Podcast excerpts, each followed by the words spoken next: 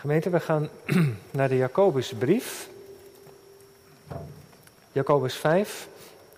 We hebben op de consistorievergadering de afgelopen keer als broeders ons bezonnen samen met het gebedsteam over ziekenzalving. En er leeft al langer een verlangen om daar in de kerkdienst een keer bij stil te staan. We hebben als gemeente, dat weten die mogelijkheid, dat kun je vragen. En toch wordt er ook niet zo heel veel gebruik van gemaakt. In de 7,5 jaar dat ik dominee ben in Gouden, ben ik vijf keer betrokken geweest bij ziekenzalving. Waren altijd hele bijzondere ontmoetingen, maar er zit ook schroom, er zijn ook vragen. En we dachten dat het goed was om daar in de morgendienst ook, deze dienst van dank en voorbeden, gewoon samen eens bij stil te staan. We willen een gemeente zijn die leeft van het woord van God, waarin de Bijbel centraal staat. En dan kunnen we ook niet om deze gedeelte heen. Dus daarom vanmorgen Jacobus 5.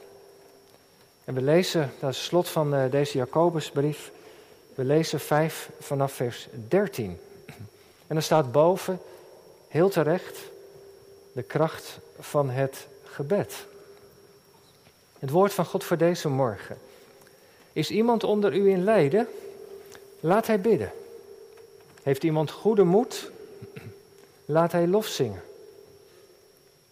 Is iemand onder u ziek? Laat hij dan de ouderlingen, er staat in het Grieks de oudste, dat zouden ook nog de diakenen kunnen zijn. Laat hij dan de oudste van de gemeente bij zich roepen, laten die voor hem bidden en hem met olie zalven in de naam van de Heere. En Heere, dat is hier de Heere Jezus. En het gelovige gebed zal de zieke behouden. En de Heere zal hem weer oprichten. En als hij zonde gedaan heeft, zal hem dat vergeven worden. Beleid elkaar de overtredingen en bid voor elkaar, opdat u gezond wordt. Een krachtig gebed van een rechtvaardige brengt veel tot stand. Elia was een mens net als wij. En hij deed een vurig gebed dat het niet zou regenen. En het regende niet op de aarde drie jaar en zes maanden. En hij bad opnieuw en de hemel gaf regen en de aarde bracht haar vrucht voort.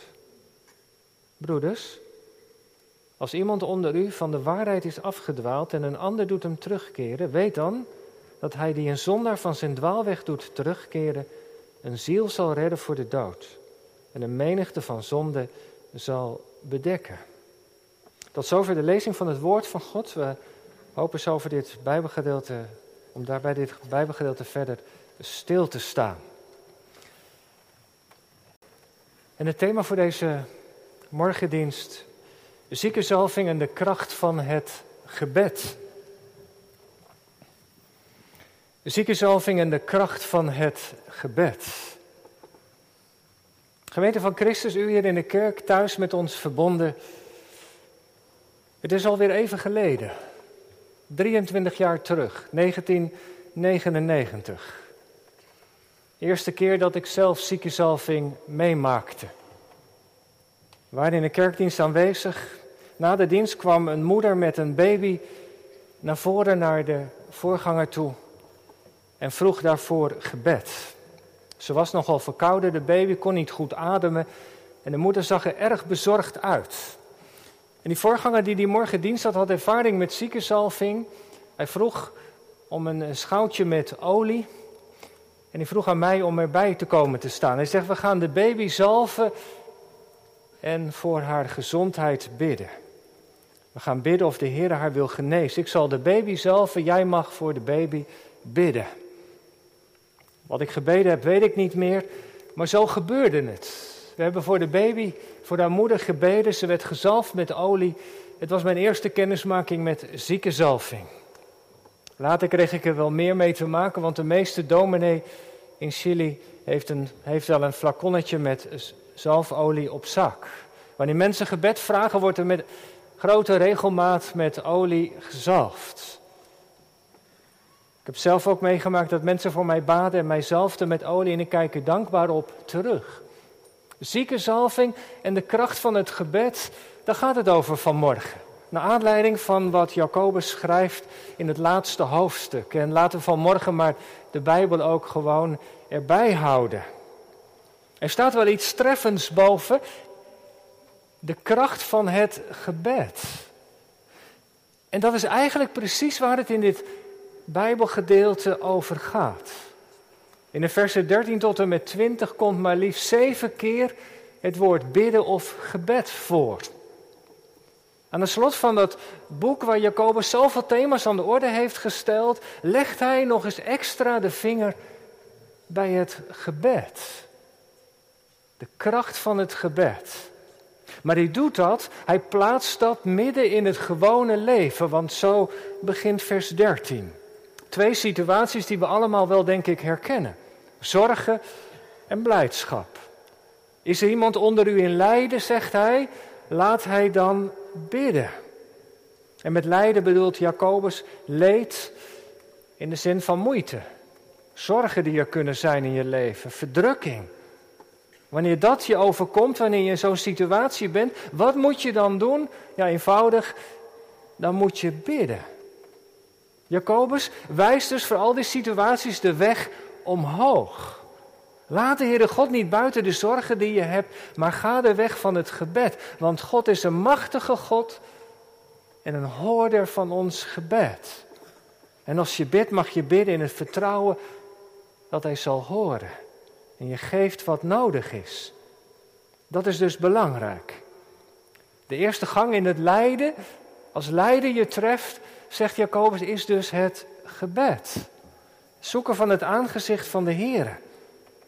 Als je naar de dokter gaat, als je medicijnen nodig hebt, je moet naar het ziekenhuis voor, voor een onderzoek. Als er dingen op dat gebied in je leven spelen, laat dat dan, zegt Jacobus, in gebed zijn, in gebed.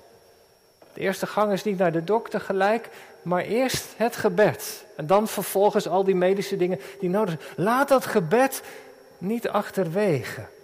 Alles wat we doen op het gebied van gezondheid, laat het in gebed zijn in gebed. Dat is het eerste wat hij zegt. En het tweede, ook zomaar uit het leven gegrepen, het kan wel zomaar zijn dat er iets in je leven gebeurd is wat je bijzonder blij maakt. Dankbaar. Geboorte, jubileum, een nieuwe job, het kan zomaar zijn. Hij zegt, la, vergeet dan niet, nou, laat diegene dan lof zingen. Dat gebed neemt dan de vorm aan van lofprijzing. Dat je zo vol bent en dankbaar dat je die dank ook aan de Heere God uit in een lied dat je zingt. Want Hij is het waard om gedankt en geprezen te worden. Wij bidden wel heel vaak in de kerk, maar danken we ook net zoveel als we bidden. In de praktijk vergeten we nog wel eens makkelijk om te danken. Misschien wel een een aandachtspunt. Vergeet niet om de Heer te danken, om Hem te prijzen. Voor het goede dat je van de Heer mag ontvangen. Nou ja, twee situaties zo uit het leven gegrepen. En dan, en dan gaat Jacobus het hebben over van het algemeen, om zo te zeggen, naar het meer bijzondere. Is er iemand onder u ziek? Laat hij dan de ouderlingen of de oudsten van de gemeente roepen. En laten zij voor hem of haar bidden. De oudsten zijn de vertegenwoordigers van de gemeente. Ze zijn door de Heer in het ambt geplaatst, ze hebben een bepaalde taak en functie gekregen. En zij mogen als zodanig geroepen worden om voor je te laten bidden. Je mag een oudste bellen. Ik zit hiermee, dit zijn de dingen die in mijn leven spelen. Wilt u alstublieft komen om voor mij te bidden? Gemeente, mag u dus de oudste van de gemeente ook echt om vragen. Je hoeft niet per se in het ziekenhuis te liggen of in de laatste fase van je leven misschien wel terminaal te zijn. Nee, dat gaat over het gewone leven. Als u dat nodig hebt, mag u dat vragen. En als de ouderling, uw wijkouderling, uw buurtouderling, dan contact met op u neemt, u heeft een afspraak gemaakt, nou, dan komen ze bij u langs. Om te informeren hoe het gaat, een stukje uit de Bijbel te lezen. Maar het voornaamste van het bezoek is om zo te zeggen het gebed. Want de dingen die er spelen in uw of mijn leven, door die broeder voor het aangezicht van God worden gebracht. Roep de ouderlingen en laat die voor u bidden. De oudsten van de gemeente zijn dus geroepen om in de naam van de Heer Jezus voor ons als gemeente te bidden. De vraag is of we daar ook gebruik van maken. Het zou zomaar kunnen van wel, maar misschien is er bij ons ook wel vaak schroom. We merken dat natuurlijk nog wel, wel eens ook als predikanten of als ouderlingen. Dat mensen, nou, ik vind het wel fijn dat u bidt voor mij in de kerk, maar u hoeft mijn naam verder niet te noemen. Nee, zet het dan maar niet op de zondagsbrief. Dat respecteren we natuurlijk wel, zeker. Maar er zit ook wel soms iets achter dat we niet willen dat de ander weet wat er bij mij speelt. We houden vaak onze ziekte en zorgen ook wel heel erg voor onszelf. Maar hier is dan een situatie, Jacobus zegt, nou, roep de ouderlingen maar, laten die voor je bidden. Misschien is dat ook wel iets wat we mee mogen nemen van morgen, dat we dat juist wel moeten leren. Kwetsbaar durven zijn en zeggen, ja, het gaat inderdaad op dit moment niet zo goed met me. Ik heb zo weinig energie, ik kom niet toe aan de dingen die ik graag zou willen doen. Dit speelt in een situatie van mijn kinderen. Ik zou het fijn vinden als u langskomt om daarvoor te bidden. En u mag dat natuurlijk, jongelui, ik spreek jullie vanmorgen maar eens even aan. Jullie mogen dat natuurlijk ook doen. Nou is stap misschien naar een ouderling wel heel erg groot. Maar ja, je kan zondag, elke zondag natuurlijk daar ook gebed voor vragen. Er staan gebedsteams naast de dienst. En misschien is dat ook eens om te overwegen. Je hebt over een poosje een belangrijk tentamen. En je ziet er behoorlijk tegenop. Want je moet wel een voldoende halen, want anders haal je punten niet. Ik noem maar wat. Of de keuze voor een relatie. Is die vriend of vriendin, past die echt goed bij me? Of misschien wel een situatie op het werk dat je doet. En je denkt, wat zou nou wijs zijn? Dan is het eigenlijk maar een kleine stap om eens iemand aan te schieten en te zeggen van joh, dit is mijn vraag, zou je misschien willen bidden? En het bijzondere is dat we al zo vaak hebben mogen merken dat de Heer zo'n eenvoudig gebed verhoort. Dat hij een stukje wijsheid geeft, dat er licht valt op. Dat is een kleine moeite, maar het kan. Elke zondag weer opnieuw. Als u ziek bent, zegt Jacobus, roep dan de ouderlingen van de gemeente bij u. Nou ja, misschien denkt u wel vanmorgen, nou ja, dan moet je wel heel erg ziek zijn misschien. Maar dat zegt Jacobus eigenlijk niet. Dat woordje wat hij hier gebruikt voor ziek zijn, als steneo, dat wordt in het Nieuwe Testament wel maar liefst 34 keer gebruikt voor allerlei vormen van ziekte, van kwalen. Iemand kan lichamelijk zwak zijn, iemand kan psychisch zwak zijn, iemand kan geestelijk zwak zijn of in nood zijn. Het kan op allerlei facetten van ons leven betrekking hebben. Dat ziek zijn waar hij het over heeft, is een heel breed begrip. Het gaat niet alleen maar over mensen die ernstig ziek zijn, die sterven gaan. Nee, maar dat kan ook gewoon een stukje nood zijn van je leven. In zo'n situatie mag je beroep doen.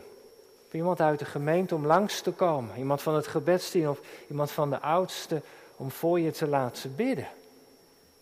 Misschien wel met handoplegging, als u dat zelf ook uh, fijn vindt. Maar hier zegt Jacobus nog wat anders. Als zij komen, laten ze dan voor, voor de zieke bidden. En dan voegt hij eraan toe. En hem of haar zalven in de naam van de Heer. De oudsten hebben volgens Jacobus de bevoegdheid om zieke mensen te zalven met olie. In de grondtekst staat er net nog iets anders dan hier. Vind ik wel even belangrijk om daar de vinger bij te leggen, vers, vers 14. Als iemand onder u ziek is, laat hij dan de ouderlingen van de gemeente bij zich roepen. Laten die voor hem bidden en hem met olie zalven in de naam van de Heer. Dan lijkt het alsof dat ze bidden en zalven, alsof dat twee aparte handelingen zijn. Maar dat zegt Jacobus niet. Er staat letterlijk, laten zij voor hem bidden, hem zalvende met olie. Dat zalven is niet een aparte handeling in de zin van bidden en zalven, maar is bedoeld ter ondersteuning van het gebed. Als de broeders in uw of jouw mijn huis komen en voor ons bidden, dan is dat een samenkomst die staat in het teken van gebed. En de olie die gebruikt wordt is ter ondersteuning van het gebed. En dat is wel belangrijk. Is dat dan nodig? Vroegen we op het consistorie met elkaar. Je kunt toch ook gewoon voor mensen bidden? Maar die olie is niet onbelangrijk. Dat symbool hebben wij mensen soms ook gewoon nodig. Het doopvond staat hier in de kerk. Als we mensen dopen, gebruiken we water. Als we avondmaal vieren, wat we pas hebben gedaan, zijn er tekenen van brood en wijn. En zo zegt Jacobus, als je bidt, dan mag je zalfolie gebruiken. Zalfolie is niet een geneesmiddel, maar heeft een godsdienstige betekenis. Dat is een symbool wat verwijst naar de Heilige Geest. Dat maakt iets van het onzichtbare werk van de Heilige Geest zichtbaar. Als de ouderlingen op bezoek komen en voor je bidden, en als er dan gezalfd wordt, dan is dat als het ware een verwijzing. Dat de Heilige Geest het moet doen. De geur verwijst naar de Heilige Geest.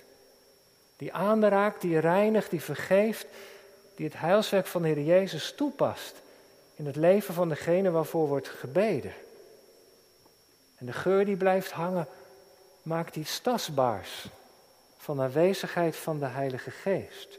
We zien hem niet, maar als wij bidden, dan, dan, hij er, dan mogen we geloven dat hij aanwezig is. Is iemand ziek? Laat hij de ouderlingen, ze zullen voor degene bidden en hem zalven met olie. Maar Jacobus zegt nog wel meer, die voegt er nog iets aan toe.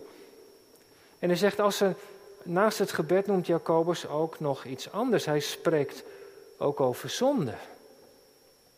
Als de zieke zonde heeft gedaan, zal hem dat worden vergeven.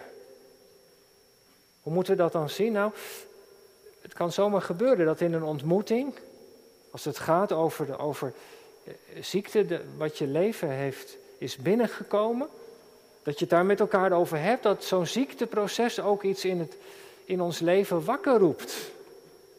Als je het hebt over, over gebed vragen voor jezelf, dat er dingen aan de orde kunnen komen in het gesprek die misschien wel beleden moeten worden. Dat door een opmerking van de ouderlingen of door wat ze uit de Bijbel lezen, er iets bij je gebeurde in je hart. Je denkt van ja, maar dat, dat is een bepaalde zonde die ik heb begaan, die heb ik nooit echt iets beleden. En dan is dan de gelegenheid om dat te doen. Dat de aanwezigheid van de Heilige Geest ertoe leidt dat je je zonde beleidt.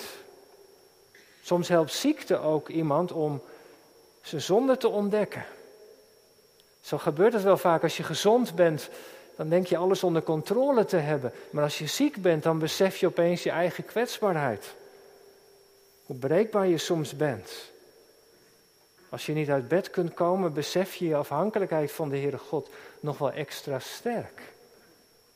Die zonde die hebben niet zozeer te maken met die ziekte of zo, hè, dat die zieke nou eh, vanwege een bepaalde zonde ziek is geworden. Die link wordt door de Jezus doorgeknipt. Daar gaat het hier niet over. Maar het kan zijn dat in zo'n gebedsontmoeting er toch iets ontstaat van ja, maar dit wil ik graag aan de Heer beleiden. Soms ook wel wat er in de familiesfeer is geweest. Als je als vader soms misschien je kinderen onheus hebt behandeld. Of als je in je relatie met de Heer toch graag iets wilt opruimen. Jacobus heeft daar oog voor. Was daar niet overheen, maar geef daar ruimte voor. Zonder waar je op dat moment aan wordt herinnerd. We moeten er niet vreemd van opkijken als dat gebeurt, dat is juist heel kostbaar. Als je de vrijmoedigheid hebt om ja, aan het licht te brengen wat je graag wil beleiden. En dat geeft niet, dat is ook belangrijk. Want we mogen de Heer, van de Heer weten, we hebben dat gezongen met de woorden van Psalm 103, hè, dat de Heer een God is die genadig vergeeft. Niets is zo bevrijdend als dat Hij je zonde vergeeft. En dat het goed is tussen Hem en jou, tussen Hem en mij. Van de ouderlingen vraagt dat dus dat ze daar in de ontmoeting ook open voor zijn. Dat ze ook goed luisteren. Ik kan me wel voorstellen, broeders, dat het wel even bij ons binnenkomt als ambtsdragers. Mensen mogen mij vragen om te bidden. De samenkomst van ziekenzalving, als ze daarom vragen, mogen wij mensen zalven met olie. En als er dan nog zonden zijn die beleden moeten worden. Jongen, dat is nogal heel wat wat in zo'n ontmoeting gebeurt. Dat je bij jezelf denkt, ja maar daar heb ik geen ervaring mee, kan ik dat wel? Er is wel veel wat van mij gevraagd wordt. En vanmorgen viel er ook nog even de aandacht op als je dan Jacobus leest. En het gelovig gebed. En het vurig gebed. En het krachtig gebed. Dat doet wonderen. Dat je bij jezelf denkt, ja maar Ik vind mijzelf helemaal niet zo'n goede bidder. Ik ben niet altijd zo vurig en vol van geloof. Dan wordt nogal een grote druk op mij gelegd als ambtsdrager. Wie is tot deze dingen bekwaam? Nou, dat gevoel, ja, dat kunnen we best wel hebben. En misschien is het ook helemaal niet verkeerd om dat ook te voelen. Maar weet u wat daarin belangrijk is? Twee dingen die ik van Jacobus heb geleerd. Het eerste is gehoorzaamheid. Het woord reikt ons vanmorgen iets aan. Je beleidt als broeder je afhankelijkheid van de Heer. Je staat in zijn dienst. En als nou de Heer via Jacobus dit ons heeft aangereikt, dat je als broeder mag bidden voor de ziekte van een zuster of broeder uit de gemeente, en dat je mag salven met olie, dan gaat het eigenlijk niet om wat ik kan, maar dan gaat het om gehoorzaamheid aan het woord van God. Dit is wat het woord ons als gemeente aanraakt. En gehoorzaamheid aan het woord van de Heer. Dan zal Hij zelf altijd zegenen. Gaat het niet om mij, op wat ik wel of niet kan, maar dan gaat het om Hem. En afhankelijkheid mag je doen waartoe je geroepen bent. En ik dacht ook nog, hiermee verbonden uit iets wat in de catechismus staat, het oude leerboek van de kerk. Waarom heet je een christen? Omdat ik bij Christus, de Heer Jezus, hoort. Een christen is gezalfd met de Heilige Geest. De Heilige Geest die in ons woont, die is er ook bij. Je mag in gehoorzaamheid gaan, in het vertrouwen dat er leiding is van God. Dat je het niet in eigen kracht hoeft te doen, hoe zou het ook kunnen? Maar dat de Heilige Geest je de woorden in de mond legt om te bidden. Gemeente, dat is toch ook wel onze ervaring. Als we bij elkaar zijn op een Bijbelkring, zoals Amstdrager iemand bezoekt, dat je soms denkt, wat zal ik bidden? En dan is het gebed klaar. Dan heb je woorden ontvangen om te bidden. Dat is zo kostbaar. Even terug naar Jacob. Is iemand ziek? Laat hij dan de ouderlingen van de gemeente tot zich roepen. Laten die voor hem bidden en met olie zalven in de naam van de Heer. En het gelovige gebed zal de zieke behouden en de Heer zal hem weer oprichten. Wat mag je van dat gebed nou verwachten eigenlijk? Nou, heel veel. De apostel heeft grote verwachtingen van het gebed, want het is een middel dat God aan ons heeft gegeven. Kijk maar naar Elia. Hij bad een eenvoudig gebed en drieënhalf jaar was het droog. Hij bad opnieuw en het regende. En Elia was een mens als wij. Met andere woorden, Jacobus zegt tegen ons: als je bidt, mag je veel verwachting van de Heer hebben. In vers 5 staat het, 15 staat het zo. En het gelovige gebed zal de zieke behouden. En de Heere zal hem weer oprichten. Daar gebeurt dus iets in die gebedssamenkomst dat de Heere aan het werk is. En als we daar nu met elkaar, met elkaar nu eens van uitgaan. Dat als we samenkomen om te bidden, dat het niet te vergeef zal zijn. Dat de Heer een hoorder is van het gebed. Wat zal dat dan doen? Wat zullen we dan van de Heere zien? Nou, zegt Jacobus, dan zul je nooit met lege handen komen te staan. Want de Heere God is een machtige God. En alle schatten die in de hemel zijn, die staan Hem ter beschikking. En we mogen daar vrijmoedig om vragen. Als die vier vrienden die hun verlamde aan de voeten van de Heer Jezus brachten, zo staan we in gebed rond een broeder of zuster die ziek is. Om die nood voor het aangezicht van de Heer te brengen. En de Heer zal in zijn genade dat gebed niet onbeantwoord blijven. En dan mogen we geloven. Zal de zieke dan genezen? Nou, dat kan inderdaad gebeuren. De Heer heeft alle macht in hemel en op aarde. En soms schenkt Hij lichamelijke genezing. Zien we iets van het koninkrijk oprichten. En Hij zal de zieke weer oprichten. De opstandingskracht wordt zichtbaar. Zeker. Maar soms kan de weg ook heel anders gaan. Paulus heeft veel voor zieke mensen gebeden, maar zijn eigen doren ging niet weg. Hij heeft Trofimus ziek moeten achterlaten. Er zit ook iets van, van gebrokenheid in ons leven. En weet u, daar heeft Jacobus ook weet van. Kijk maar eens even naar vers 15. En het gelovig gebed, een gebed in afhankelijkheid van de Heer, zal de zieke, wat zegt hij, behouden. Dat Griekse woordje soiso, dat kan ook gebruikt worden voor eeuwige redding. Dat kan dus zomaar gebeuren, dat je bidt om, om, om de ziekte van iemand en dat die persoon een diepe indruk krijgt van zijn eeuwige redding. Zomaar, in die ontmoeting. Wat een zegen is dat als die doorbraak er komt, als alle twijfel weg is en je weet, de Heer kent mij en ik ben van Hem. En het woordje behouden wat hier gebruikt wordt voor behouden, sowieso, dat betekent eeuwige redding. Maar dat kan ook genezing betekenen. Aan de andere kant, dat kan ook gebeuren. Wat er van tevoren zal gebeuren, dat weten wij niet. Dat zal de Heer doen. Maar Jacobus zegt, als wij bidden, dan zal God in zijn genade antwoord geven. Hij zal iemand oprichten. Zonden worden vergeven. Er zal genezing plaatsvinden. Misschien staat iemand op uit een ziekbed. Misschien krijgt iemand kracht om de ziekte te dragen. Maar de Heere laat het gebed niet leeg. Hij is een hoorder van het gebed. Maar dat de weg anders loopt dan wij soms bidden. Ja, dat hebben we natuurlijk zelf ook in de gemeente meegemaakt. En dat kost soms heel wat tijd om te aanvaarden. Dat Gods weg anders gaat dan dat je bidt. Je bidt om genezing en de persoon ontvangt vergeving. Je bidt om vergeving en er komt doorbraak in de genezing. Het zou zomaar kunnen, dat hebben wij niet in onze hand. Dat ligt in de hand van de Heer. Die weg kan soms heel anders gaan. En daar moeten we ook oog voor hebben. Pastoraal ook. Dat die weg anders kan gaan, dat weten we natuurlijk. Dat hebben we gezien in het leven van de Heer Jezus. Daar wil ik toch even de vinger bij leggen. Weet u nog?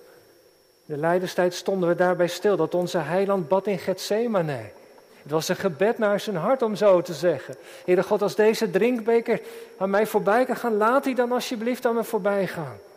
Was de beker van de toren en het oordeel van God. Maar hij voegde erbij, niet mijn wil, maar uw wil geschieden. En die beker is niet weggegaan, omdat hij verzoening moest doen voor onze zonde. Paulus bad om de doren. En de doren is gebleven. Maar weet je wat mij nou zo trof? Dat zowel de Heer Jezus als de apostel Paulus van de Heer een, antwoord hebben gekregen toen de Heer Jezus in Gethsemane aan het bidden was met zijn vader. Toen kwam er een engel uit de hemel om hem te versterken. Toen Paulus bad of die doorn weg mocht gaan, die doorn ging niet weg. Toen kreeg hij een woord van de Heer. Mijn genade is voor u genoeg. Mijn kracht wordt in zwakheid volbracht. Als de weg dus anders gaat, mag er dit vertrouwen zijn dat de Heer erbij is. Dat Hij zijn hand op ons leven, op de hand van de zieke persoon, de broeder of zuster legt. Dat Hij kracht geeft om het te dragen, zodat je weer verder kunt gaan. Ziekenzalving en de kracht van het gebed. Ik wil nog één streep zetten onder een vers dat mij een bijzonder trof. Een krachtig gebed, zegt Jacobus. Vers 16, het gebed van de rechtvaardige, een krachtig gebed van de rechtvaardige brengt veel tot stand. Bij die rechtvaardige moest ik denken aan de Heer Jezus. Wie van ons is rechtvaardig? Niemand. In Christus wel, maar vanuit onszelf niet. Maar wie is helemaal rechtvaardig? Dat is de Heer Jezus. En waar is Hij? Hij is opgestaan, hij heeft over de winning behaald. En hij zit nu aan de rechterhand van God de Vader. En wat doet Hij daar? Daar bidt Hij, elke dag, voor Zijn kerk en voor ons. En Zijn gebeden worden altijd verhoord. En dat geeft verwachting, ook als wij bidden. Want we mogen bidden in Jezus' naam. Amen.